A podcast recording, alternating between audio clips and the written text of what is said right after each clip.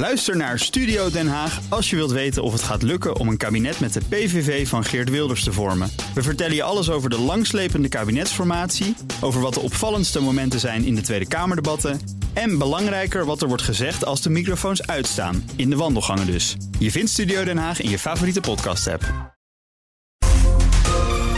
Heb jij de BNR-app al? Met breaking news en live radio?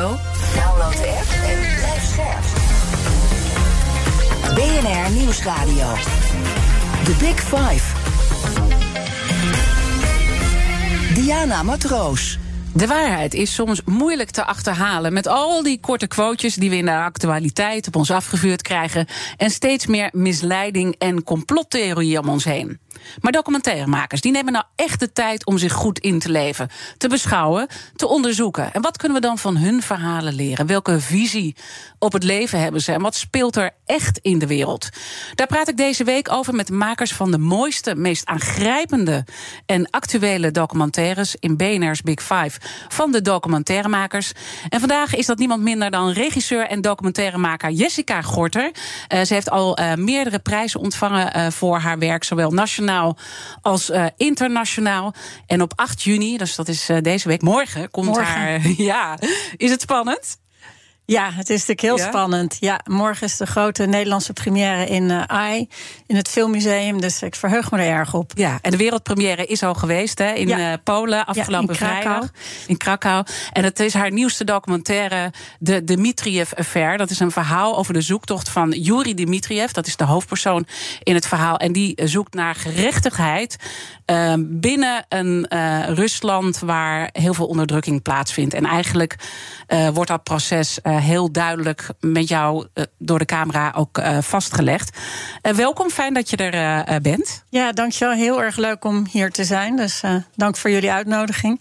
Ik ga zo meteen uh, ook met jou uh, praten. Uh, nou ja, wat jou, waar jouw fascinatie van Rusland vandaan komt. Want je bent al vanaf 1989 ben je in het land actief. Maar voordat we dat gaan doen, twee belangrijke vragen. Ik zei al, je hebt meerdere films gemaakt over Rusland. Onder andere Het Rode Ziel. Je kent het land door en door. Heeft deze laatste film, waar je acht jaar mee bezig bent geweest, je op een bepaalde manier nog verrast over het land, over Rusland? Ja. Um, eigenlijk is het wel zo dat iedere film me altijd verrast. Want daarom, het is een van de hoofdredenen dat ik films maak. Dat ik echt iets wil weten, wil doorgronden, wil begrijpen. Um, en ik kan iets vertellen over hoe, hoe, ik aan deze film begonnen ben. Want ik denk dat dat antwoord geeft op je vraag. Mm -hmm. um, Um, ik was in uh, 2016, mei 2016, met Yuri Dmitriev aan het draaien voor mijn vorige film De Rode Ziel. Maar hij was een van de zeven hoofdpersonen, dus we hadden niet heel veel van hem nodig. Die film ging over uh, de erfenis van Stalin in het huidige Rusland. Dus automatisch kwamen we bij hem, want hij zoekt massagraven uit de tijd van Stalin, waar mensen in liggen die tot op de dag van vandaag eigenlijk nou ja, verdwenen zijn, waarvan familieleden nog steeds niet weten waar ze zijn. Um, en um, we voelden een soort van urgentie. Want hij ging eigenlijk veel meer aan ons laten zien en vertellen dan nodig was voor, voor mm -hmm. die film. En wij hadden, ik had het gevoel ook heel erg, we moeten alles nu draaien wat we kunnen. Hij heeft zijn hele levensverhaal verteld. Uh, en ik heb hem toen we weggingen gevraagd: uh, Juri, uh, mag ik terugkomen? Ik, moet, ik ga eerst deze film afmaken. En, maar ik heb het gevoel, wij moeten door. Ik wil misschien gewoon een film ook -hmm. over jouw en werk wat is dat gevoel? Want dat is, dat is heel fascinerend. Ja, omdat ik natuurlijk wel langer dan vandaag in Rusland kom, voelde ik dat bij het maken van die film kwam ik er wel achter dat, dat het, de spanningen liepen weer op. Uh, dat ging over de erfenis van Stalin. En mijn vrienden daar, of nou niet echt mijn hele dichtbij vrienden, maar veel mensen om me heen daar zeiden: haha, wat een onzin. Dat is helemaal geen thema meer. We hebben alles verwerkt in de jaren negentig. En dat was het, het tegendeel kwamen wij tegen tijdens het maken van die film. En toen Juri bij het afscheid tegen mij zei: van nou, ik, ik wil graag met je door. Je mag terugkomen om een film met me te maken. Maar ik weet niet zeker of ik er dan nog ben. Ze zitten achter me aan of ze houden me in de gaten. Ja, toen kreeg ik toch een beetje een raar gevoel. Tegelijkertijd had ik ook, en daar zit het hem een beetje in als ik antwoord geef op je vraag, dat een beetje dacht van, nou, misschien is hij ook een beetje paranoia geworden. Ik bedoel, het wordt allemaal moeilijker. Duimschroeven worden wel aangedraaid in het land. Maar ja, wij zijn hier ook. We kunnen ook achter de bossen, in de bossen, achter hem en zijn herdershond met zijn lange dus baard. valt misschien allemaal wel mee. En hij overdrijft misschien een beetje. Ja, ik heb zelfs met zijn oudste dochter uit zijn eerste huwelijk eh, nog een beetje staan lachen daarover in de keuken. Ook zij had een beetje zoiets van, ja, mijn vader die, ja, God is zo bevlogen met dat werk. En op een gegeven moment word je daar misschien ook een beetje paranoia van. Een half jaar later, in december 2016, was zij. Ik zat midden in de montage van De Rode Ziel. Was zij degene die mij belde en zei: uh, Jessica, mijn vader is uh, gearresteerd.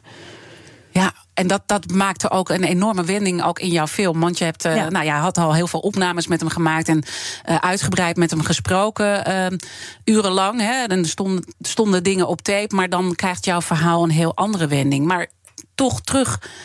Uh, naar die vraag. Je bent dus zelf verrast eigenlijk ook door Rusland dat het zo erg was. Dat het zo erg was. Dat het ja. zo erg was. Ja. En uh, eerder sprak ik uh, deze week met Ruben Terlouw. En um, hij vertelde over, want hij had een enorme liefde ook voor China. En, en hij raakte ook.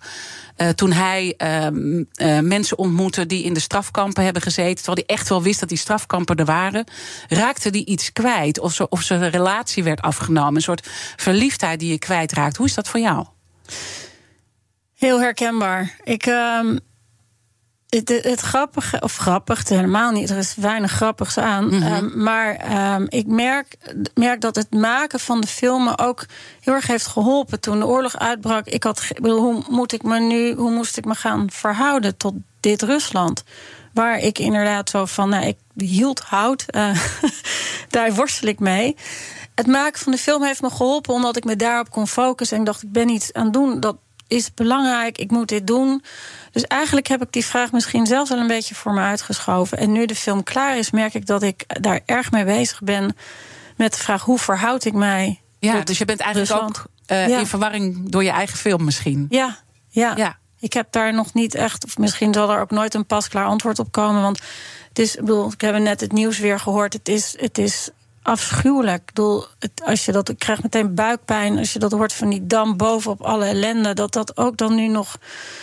Nou ja, dat dat er ook nog weer bij komt. En het is iedere dag, die arme Oekraïners, is er wel iets nieuws. Uh, wat. wat uh, um, tegelijkertijd heb ik natuurlijk echt hele goede vrienden daar zitten. En mensen die hun al, al, al langer ja. dan tien jaar bezig met gevaar voor eigen leven proberen. In om Rusland. Die situatie, ja, om iets te doen. Die moedige mensen, hè? Ja. dat is natuurlijk ook ja, een kant. Is, is dat moeilijk voor jou? Uh, dat, dat, want je kan weinig contact uh, met ze hebben op dit moment. Ja. Um, nou ja, bellen. Maar bellen. Ja, uh, um, doen we veel. ja, uh, maar, maar dat is ook iets waar jij de spotlights op zet. Die moedige mensen die wel degelijk in het land zelf iets proberen ja. te werkstelligen. En, en Jury in jouw nieuwste film is daar een heel ja. belangrijk voorbeeld van. En ik denk dat het heel belangrijk is dat we die mensen niet vergeten. Dat die, want het wordt ook steeds moeilijker om daarover te vertellen of daar berichtgeving over te doen wat die mensen doen. Of A, omdat het gevaarlijk kan zijn om, daar, om dat te veel in het nieuws te laten zien voor, voor henzelf. Mm -hmm. Maar ook. Uh, ja, journalisten kunnen er niet meer werken. We hebben Ivan, uh, Gershkovits die net uh, in de gevangenis gezet is en beschuldigd wordt van spionage. Dat ziet er niet al te best uit. Um, nou ja, journalisten hier, die gewoon, het wordt gewoon voor veel journalisten te gevaarlijk. Die worden teruggehaald. Als documentairemaker is het heel ja, onmogelijk om daar nu vrij te werken. Um, ja, ja we is, moeten ze niet vergeten. We moeten ze niet vergeten. Dat is uh, uh, ongelooflijk belangrijk. En we kunnen leren van de moed die deze mensen tonen. En ook de vooruitziende uh, blik die ze hebben. Want in de film geeft Jury ook al aan. En dan moeten we even goed realiseren dat dit dus 2016 is.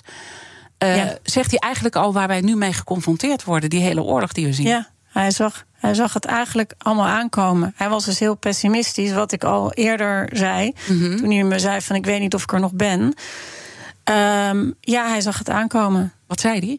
Nou, de, zijn letterlijke woorden, die zitten ook in de film, is uh, voordat dit regime valt, uh, komt er nog een heel lelijk carnaval. En um, waar hij op duidt is dat hij uh, um, toen de Oekraïne uh, werd, dus toen de Krim werd afgenomen van de Oekraïne, was voor hem duidelijk: dit is helemaal foute boel.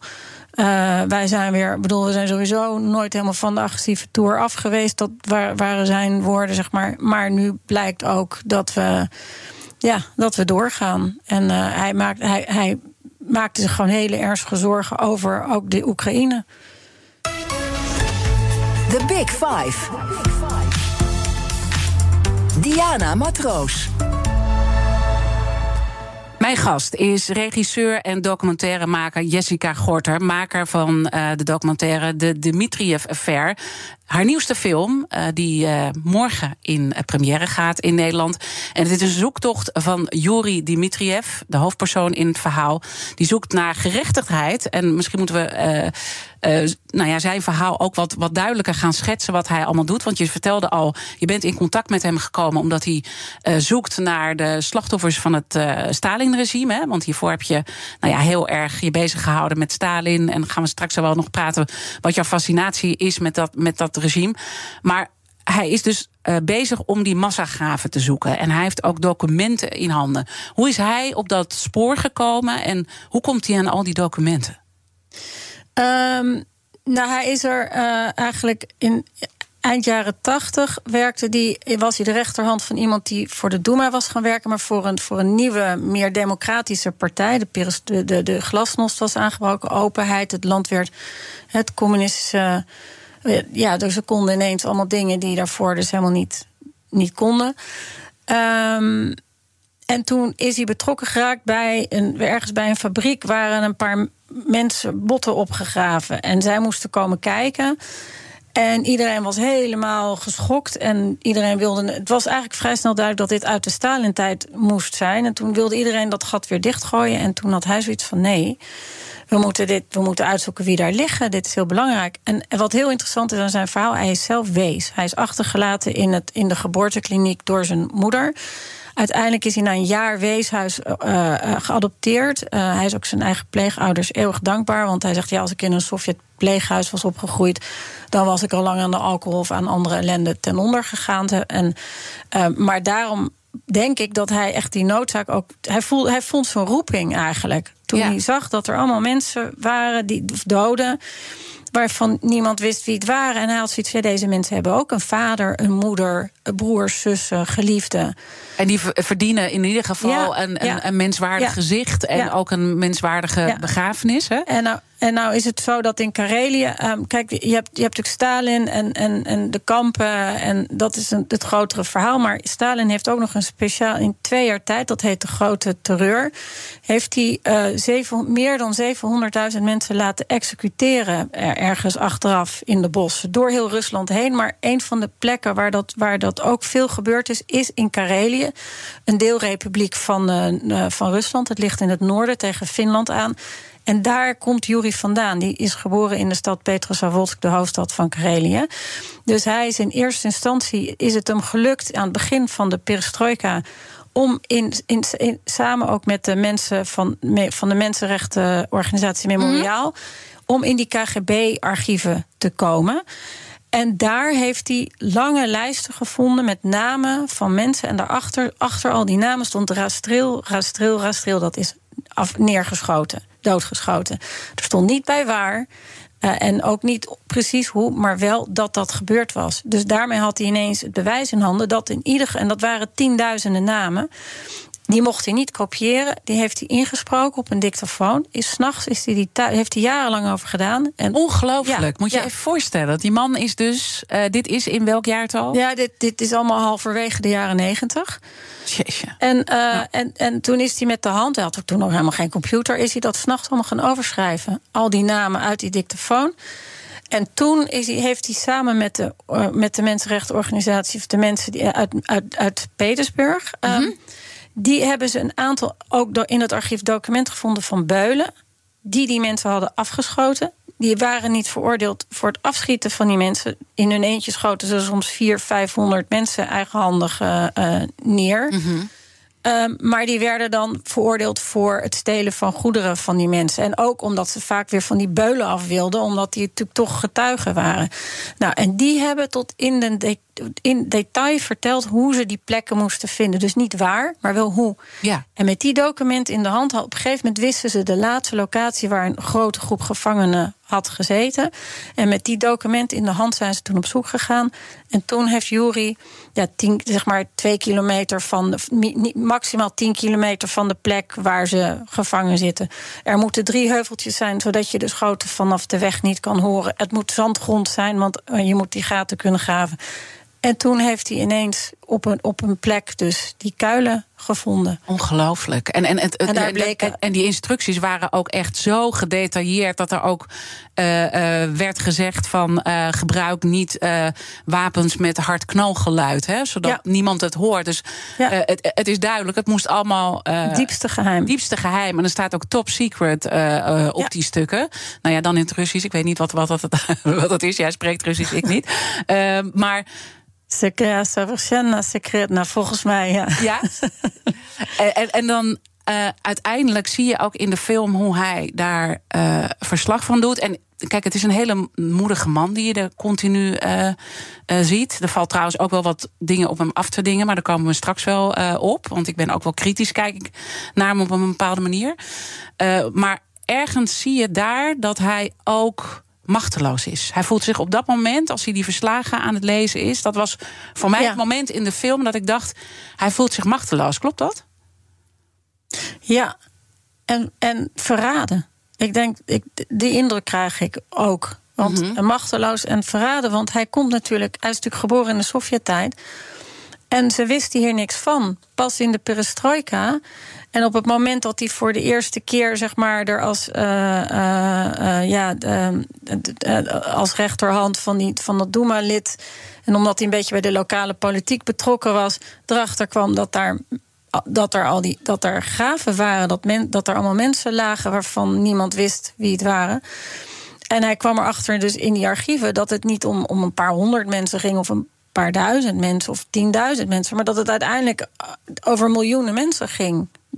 Die, dus, dus over meer dan 700.000 die, die in die twee jaar echt op, op bevel zijn afgeschoten. Maar daarnaast natuurlijk ook de gulag met alle mensen die zijn omgekomen.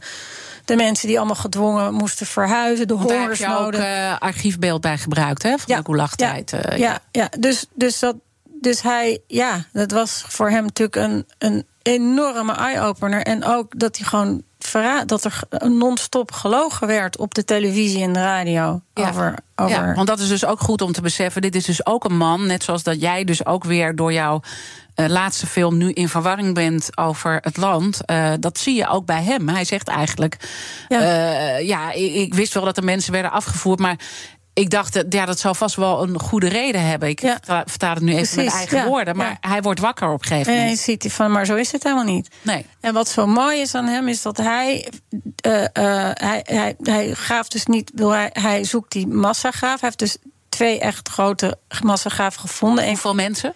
Nou, in, in, op Sander mocht liggen meer dan 7000 mensen. Tussen de 7 en de 10.000 mensen. Die heeft hij dus gevonden? Ja, en dat is een van de allergrootste massagraven ook überhaupt uh, bekend. Er zijn er meerdere, maar er zijn er niet veel. En het hele land ligt nog bezaaid met massagraven die waarvan niemand weet waar ze zijn. Het merendeel is helemaal nog niet bekend. Het is de, ja. Nee, want hij wilde doorgaan met zijn werk en intussen is hij gearresteerd, hij hè, natuurlijk. En wat hij doet, dat is heel belangrijk. Hij, hij, hij, zoekt, hij schrijft boeken. Hij zet die naam ook in boeken en hij, en hij zoekt die familieleden op. Dus hij verenigt eigenlijk die doden weer met hun familieleden. Mhm. Wat doet dat met die familieleden? Want je bent ook erbij geweest dat die... Ja uh, de, hè, die mensen die daarbij betrokken zijn?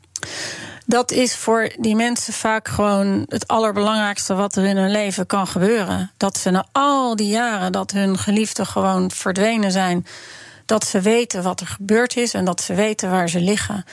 En, en ziet het zelf ook als essentieel uh, om, het, om een manier om om te gaan met het verleden, om naar het verleden te kijken, om een verwerkingsproces op gang te brengen. En hij zegt ook van als we dat verwerkingsproces met z'n allen niet aangaan, heeft dit land ook geen toekomst. We moeten, als we een betere maatschappij met elkaar met willen, willen bouwen, zullen we moeten weten wat onze geschiedenis is en moeten we weten waar we vandaan komen. en dus moeten we weten waar die mensen zijn. Wat raakte jij nou het meest in zijn verhaal? Uh, misschien wel dit omdat ik natuurlijk zo lang in Rusland kom en zeker in de jaren negentig zo'n hoop. Eh, er was zoveel hoop. Iedereen dacht, nou, dit is een moeilijke tijd. Ieder, daar moet je doorheen. Dat is logisch. Dat gaat niet over één nacht ijs. Maar dat verwerkingsproces zal toch langzaam op gang komen. En, en dan komt er gewoon een, een, een, een ja, een, een, nieuw, een, een, een maatschappij met burgerrechten en meer democratie. Uh, en ik zie gewoon dat hij alles, uh, zijn hele leven eigenlijk heeft gegeven om, om zijn steentje daaraan bij te dragen. En dat vind ik wel, uh, ja, ja, dat raakt me. Ja, en wat kunnen wij daarvan leren als ehm, mensheid hier in het, in het luxe Westen? Klinkt misschien, het is een beetje cliché, maar dat, dat onze vrijheid en, en, en, en, en vrijheid van meningsuiting en de democratie waarin we leven, dat het een groot goed is. En natuurlijk gaan hier veel dingen niet goed en ook gaan er dingen mis. Maar dat het echt ja, uh, heel belangrijk is dat we daarvoor blijven strijden. Straks praat ik verder met documentairemaker Jessica Gorter over haar persoonlijke drijfveer om deze films te maken uh, over Rusland en wat het centrale thema daarbij uh, voor haar is. Maar ook hoe het nou met Yuri afloopt en hoe die uiteindelijk in de cel is beland en wat zijn lot is. Blijf luisteren.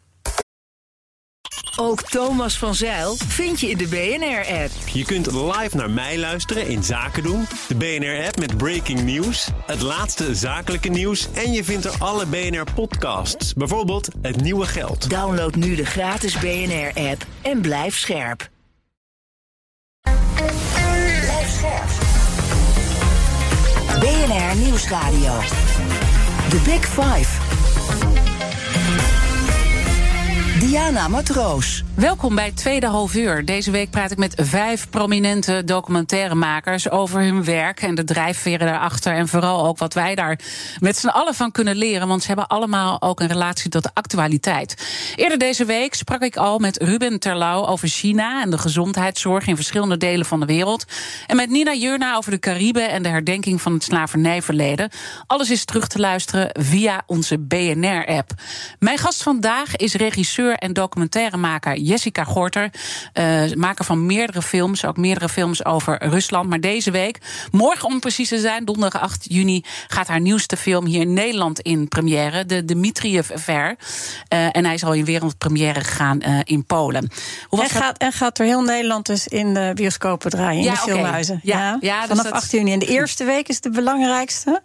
Dus iedereen ja, ga naar de bioscoop in die eerste week. Ja, want dan blijft hij langer draaien. Ja, want ik, ik snap ook dat je uh, uh, dit zegt. Want jij bent. Um, acht jaar al met deze film bezig. Uh, ja, vijf, zes jaar. Maar, vijf, zes ja, jaar. Ja. Maar um, je was natuurlijk al met die Rode Ziel bezig. Klopt. Toen heb je hem al, hè, de hoofdpersoon ja. voor deze nieuwste film, al opgepikt. En wij kennen elkaar ook. En ik, ik heb jou natuurlijk wel vaker gezien dat je dan weer met die film bezig uh, was. Oneindig lang. Dat ik af en toe ook dacht: jeetje, hoe hou je het vol? Het is die vrouw aan het doen. Ja. Is, nou ja, nee, ik heb altijd heel veel respect voor het werk uh, wat je doet. Maar ook met de andere makers heb ik deze uh, week gesproken. Er staat gewoon nauwelijks geld tegenover. Nou ja, nauwelijks is misschien. Uh, nee, maar als je het over maar, die jaren. Maar over die jaren. Het ja, het is het gevaar ook voor eigen leven. Ja, ja, er is gewoon een soort maximum budget wat je kan, kan bij elkaar kan krijgen in Nederland. Uh, nou, ik heb, ik heb een fantastische producent, niet alleen voor het geld, maar ook gewoon voor de hele samenwerking en de ondersteuning om, om eh, en, en ook inhoudelijk om die film te maken. Um, maar ja, het, het, is, uh, het zou wel beter kunnen. ja. Ja, en ik eh, merk altijd dat je ook heel erg bescheiden daarin bent. En dat je altijd denkt, het moet over de film gaan. En uh, over Jury. En dat merk ik nu ook weer. Maar daarom ook jouw roep om naar de bioscoop wel te gaan natuurlijk. Uh, laten we uh, de tijd die ons nog rest praten over jouw drijfveren. Om die films te maken. Waar jouw fascinatie en welk onderliggend thema daar ook onder ligt. Um, maar ook over toch die hoofdpersoon Jury. Want dat vind jij ook zelf altijd het belangrijkste. Uh, mensenrechtenactivist die dus. Um, die, dat Stalin-regime, de slachtoffers daarvan, he, de, de, de, de, de, de, de, de honderdduizenden mensen uh, die in massagraven liggen, om die een gezicht te geven. Uh, en je beschreef al dat hij uiteindelijk dus wordt opgepakt. Dat gaf trouwens ook een hele nieuwe wending aan jouw film. Um, maar hoe is hij uiteindelijk in de cel beland? Hoe ging dat? Um, um, hij uh, is, er is een anonieme uh, aanklacht uh, gekomen. En op basis daarvan hebben ze huiszoeking gedaan. En toen hebben ze in zijn computer foto's gevonden van zijn pleegdochter Natasha. Hij, heeft, hij, heeft een, had een, een kind geadopteerd samen met zijn, met zijn toenmalige vrouw. Uit het, uit het kinderthuis, omdat hij zelf dat had meegemaakt. Hij wilde een, een, een ander kind ook een goed leven bieden. Net Familie zoals, is voor hem belangrijk. Exact, dat is heel belangrijk. Mm -hmm. Uh, en hij, zij was ondervoed en, uh, um, uh, en, en dus te mager. En ze had ook van allerlei klachten toen ze als, als klein meisje bij hem kwam wonen. En kinderbescherming of een adoptiecursus die hij gedaan had. Die hadden gezegd, nou het is verstandig om haar dan te fotograferen. En dat heeft hij gedaan. en dat heeft hij gedaan naakt. Um, en, en die foto's zijn uit zijn computer gevist. Ja, en, en daar is hij overigens op vrijgesproken. Ja. Ook van die, op die foto's. Als je die foto's ziet, ja, ik zie ook niet. Ik, maar goed, ik ben expert niet. Maar. Uh... Nou ja, ik, ik bedoel, we hebben, we hebben allemaal kinderen. En je maakt wel eens gewoon ook foto's dat ze in bad zitten, omdat dat leuke foto's. Nou, laat ik het uh, zo zijn. zeggen, als dat een reden is, ja, dan zou ik ook. Uh... Ja. heb ik wel wat er andere foto's. Ja, die, die, die ook. ja, en, Ja. En, en, En hij is natuurlijk ook een archivaris, hè, dus het waren ook altijd dezelfde. ja. Altijd in dezelfde.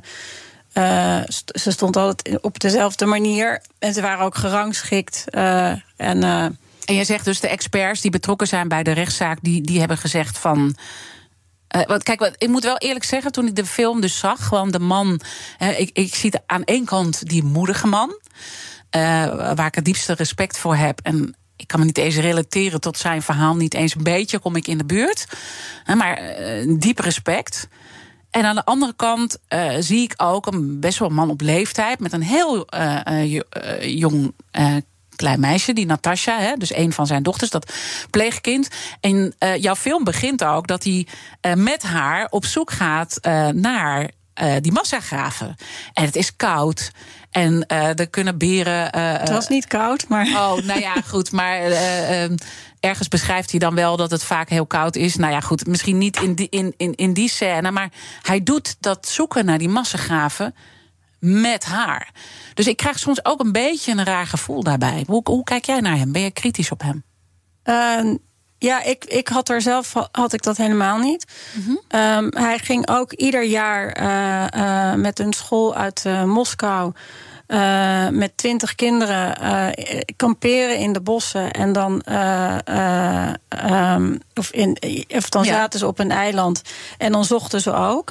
En dat was juist onderdeel van het hele programma van die school. Want die wilden dat die kinderen over hun, over hun land, over hun geschiedenis leerden. En hij was altijd heel, uh, heel voorzichtig en respectvol. Dus de, zeg maar, uh, hij liet ze niet zomaar. De, de, als mm-hmm. er wat gevonden werd, lieten ze niet zomaar wat opgraven. Hij was altijd heel gevoelig voor wat kinderen juist wel en niet aankunnen, maar gewoon wel eerlijk. En om heel eerlijk te zijn, hou ik daar zelf heel Ja. erg van. En ik vond het heel erg mooi hoe die dat deed. En, uh, en het mooie is ook dat al die kinderen. Uh, zijn ook enorm achter hem gaan staan. Of kinderen, ze waren tussen de leeftijd van 12 en 18. En er zijn er nou tientallen, misschien een paar honderd zelfs geweest... die door de jaren heen met hem dit werk in de zomer gedaan hebben... via die school. En die hebben hem allemaal gesupport. Die hebben video's gemaakt, zijn ja. naar de rechtszaken gekomen... hebben in die hals gestaan als hij daar doorheen gesleurd werd... om hem te supporten. En zijn hem vooral, uh, wat ik ervan gelezen en gezien heb... dankbaar voor het feit dat, dat hij hen met hun eigen geschiedenis in contact heeft Ja, gebracht. ja, ja. Waardoor zij in staat, beter in staat Nou waren om met hun grootouders te praten. Dus ik. Ja, ik misschien, misschien is het ook goed om ook een relatie te leggen. Hè, want uh, we zoomen heel erg in op zijn verhaal. Maar hij heeft ook uh, connecties met Memorial. Hè, Ja. Want uh, dat is misschien wel belangrijk om het ook een, in een iets breder perspectief te plaatsen. En um, dat is een NGO die de Nobelprijs voor de Vrede heeft Ja. uh, gekregen. Uh, maar tegelijkertijd weten we intussen vanaf 2021 is deze organisatie, deze NGO, verboden in Rusland. En zij brengen dus vanaf de eind jaren tachtig de, de, de, de, de, de misstanden die, en, en wandaden die gebeurd zijn onder Stalin, die brengen zij in kaart. En zij Mhm. hebben een enorme database aangelegd van de slachtoffers. Ja, dus dat, de, en, de, en nu zijn ze dus verboden door Rusland. En daar wordt ook een relatie gemaakt met pedofilie. Dus niet alleen bij deze jury, jouw hoofdpersoon, maar ook ja. uh, bij en, uh, deze NGO ja. Breed. Kijk, toen ik hoorde dat hij gearresteerd was begin december, omdat ik gebeld werd vanuit mijn eigen ervaring die ik had, had ik al meteen zoiets van: oh, wat gebeurt hier? Ik moet dit volgen. Maar wat er vervolgens gebeurde, is dat er drie weken later op de televisie, nationale televisie, een groot item kwam van 20, 30 minuten. Waarin jury getoond werd eigenlijk al, nou, er werd eigenlijk al gesuggereerd: deze man is schuldig. De foto's waren, Liz waren geblurred. Ik heb ze ook alleen maar geblurred gezien. Je kan überhaupt weinig zien omdat het zo geblurred is. Maar goed, um, die foto's had zijn eigen advocaat toen nog niet eens onder ogen gekregen. Die zijn gelekt dus. En, voor, en uh, uh, het grootste deel van het item ging erover... dat de mensenrechtenorganisatie Memoriaal... waar hij lokaal hoofd van uh, de, de, afdeling Karelië was... -hmm. Uh, een verderfelijke organisatie is die het land zwart maakt, uh, de geschiedenis van het land zwart maakt. En uiteraard werkt zo'n organisatie die de geschiedenis zo besmeurt met pedofielen. En uh, ze doen dat ook nog eens met buitenlands geld. Ze waren ook al bestempeld als buitenlands agent. En dat werd ook nog eens even driedubbel benadrukt. Ja. Dus ja, er werden ja. van allerlei dwarsverbanden mm-hmm. gelegd. En dat is eigenlijk nooit opgehouden in deze zaak. Dus iedere keer als er weer wat met, met, met, met uh, Jure Dimitriev met zijn zaak was, dan kwamen er weer items. En altijd werd Memoriaal daar ook weer bij betrokken. Je werd er zelf ook mee geconfronteerd, ja, en toch met de cameraploegen? Ja, ja, dat zou ik zo. Maar uiteindelijk ja. is hij dus veroordeeld. Ik geloof, als ik het goed heb, op 27 december 2021 tot 15 jaar strafkamp onder het strenge regime. Een dag later is de mensenrechtenorganisatie Memoriaal geliquideerd. Dus dat zit. Ja, ik ben zelf ook. Um, in de film zit een scène waarin Jury door een, een, een, een ja, eigenlijk een, ja, een jonge dame. Door een cameraploeg van de nationale televisie wordt belaagd. Met hele nare en vervelende vragen op een hele agressieve manier. En deze ploeg, die, ja, die komt eigenlijk bij, bij of dit soort ploegen, het zijn er een paar. Het zijn wel altijd een beetje dezelfde, zijn dezelfde mensen. Het is een groep. Mm-hmm. En um, die staan dan uh, bij dit soort uh, uh, rechtszaken. en die vallen dan degene die terecht staat lastig. als die al dus vrij is en naar binnen kan lopen. Maar ook alle buitenlanders die ze eventueel in het vizier krijgen. En de afgevaardigden van de ambassades. En in dit geval kregen ze mij dus in het vizier. En uh, kreeg ik ineens een gigantische cameraman. Uh, uh, met, een, met een nog grotere camera. die in mijn gezicht gedouwd werd. Echt. En die vrouw die begon heel agressief tegen me te schreeuwen: van hoe doen ze dat dan bij jullie? En. In Nederland worden pedofielen zeker gewoon. dat vinden, vinden jullie zeker allemaal prima leuk. En je weet, op het moment dat je je mond open doet, dan verschijn je s'avonds in een verdraaid item op de nationale televisie. Dus je hebt niks gezegd? Ik heb niks gezegd. Uh, sterker nog, ik ben, ik, heb, ik ben in eerste reactie zelfs even weggerend. Maar op een gegeven moment realiseer me dit. Dit slaat nergens op. Maar toen heb ik de slappe lach gekregen. Oh. dat, was het, dat was zo belachelijk. Ja. Maar het was niet leuk. Nee. Het was heel bedreigend. En je zegt, ik krijg de slappe lach. Maar ik kan me ook voorstellen dat je tijdens jouw werk af en toe ook wel. Uh, bang bent. Want je ziet wat er allemaal met zo'n jury gebeurt. En jij volgt nu. Uh, ja, nou, ik, ik zou, mijn eerste reactie met die ploeg, daarom ren ik ook weg, was angst. Maar op, ik al na, toen ik even tot, tot, mijn, tot, zinnen, tot mijn zinnen kon komen, realiseerde ik me, ja, dit heeft toch geen zin. En ik heb eigenlijk in de tijd dat ik daar nog kon komen en aan het of kwam en aan het werk uh, was, altijd wel gedacht: nee, het ergste wat mij kan overkomen is dat ik het land word uitgezet. Uh, ik was veel meer bezig met gewoon te zorgen dat we op zo'n manier werkte dat het voor, voor de mensen met wie ik aan het werk was veilig uh, was. Ook Harm Edens vind je in de BNR-app. Je kunt BNR Duurzaam niet alleen live luisteren in de app, maar ook terugluisteren als podcast, zoals al onze podcasts. En naast dat de BNR-app Breaking News meldt, houden we je ook op de hoogte van het laatste zakelijke nieuws. Download nu de gratis BNR-app en blijf scherp. BNR Nieuwsradio. The Big Five. Diana Matroos. Je luistert naar BNR's Big Five van de documentairemakers. Mijn gast vandaag is regisseur en documentairemaker Jessica Gorter. En uh, we praten over haar nieuwste film, die deze week dus in première gaat morgen. Uh, de Dimitriev-affair. En uh, de gasten stellen elkaar ook vragen via de kettingvraag. Eerder sprak ik met Nina Jurna. Zij is maker van de documentaire serie Van Baja tot Brooklyn. Ze is ook correspondent in Latijns-Amerika van onder meer NRC en NOS. Maar haar serie gaat aankomende vrijdag in première. En zij had deze vraag voor jou, Nina als makers duiken we toch heel erg in de ziel van de mensen. Hè? Ze, ze, geven zich bloot aan ons. En ik ben heel benieuwd of Jessica, als ze een documentaire afgerond heeft, of ze dan nog een band met zo iemand blijft voelen. Of dat het is dat als ze het project heeft afgerond, dat ze, ja, als de film is voltooid, dat het onderwerp dan ook klaar is. En dat ze ja, ook zeg maar weer een soort van afstand van de persoon kan nemen en doorgaat. Ik ben heel benieuwd hoe zij daarmee omgaat.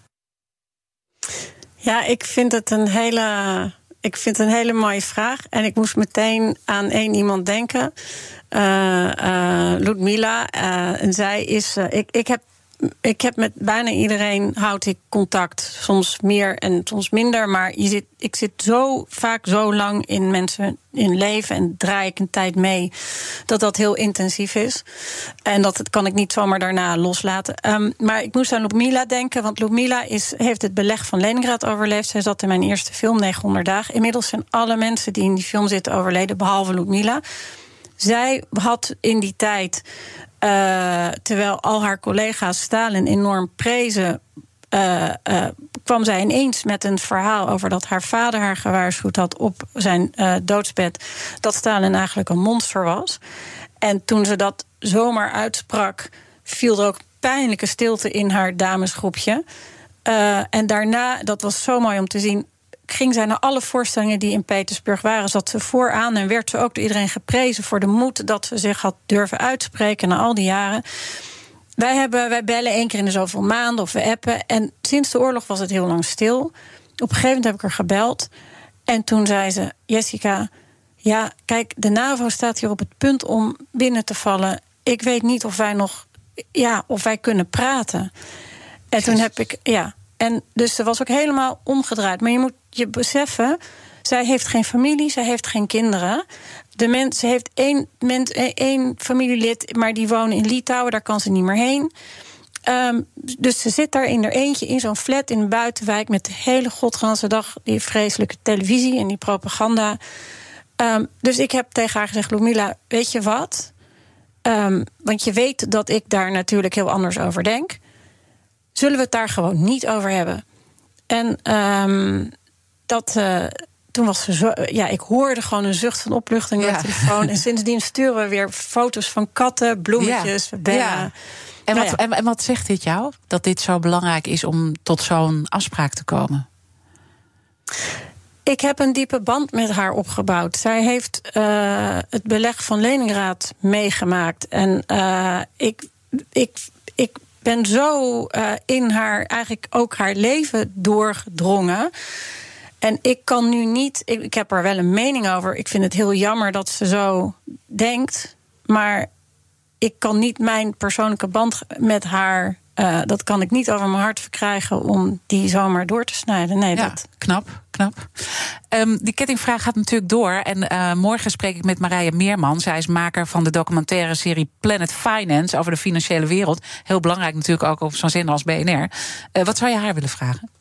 Um, nou, het is misschien een beetje een vervolg van de vraag die Nina aan mij gesteld heeft. Want ik, ja, ik weet dat Marije heel erg ook doordringt in hele gesloten werelden. Nou, die financiële wereld is natuurlijk heel moeilijk om daarin door te dringen. Maar ze heeft ook een aantal heel, twee hele mooie uh, persoonlijke films gemaakt. Um, ze heeft meerdere dingen gedaan, maar, maar um, nou ja, ik weet dat ze, dat ze veel tijd stopt om echt dicht bij mensen te kunnen komen. Mm -hmm. um, en ik vraag me af in hoeverre dat soms ook uh, kan opleveren dat je juist zo dichtbij komt dat je denkt: hm, dit kan ik eigenlijk helemaal niet laten zien. Of ik moet voorzichtig worden met hoe ik. Hoe ga je om eigenlijk met dat wat je krijgt van de mensen waar je dichtbij komt?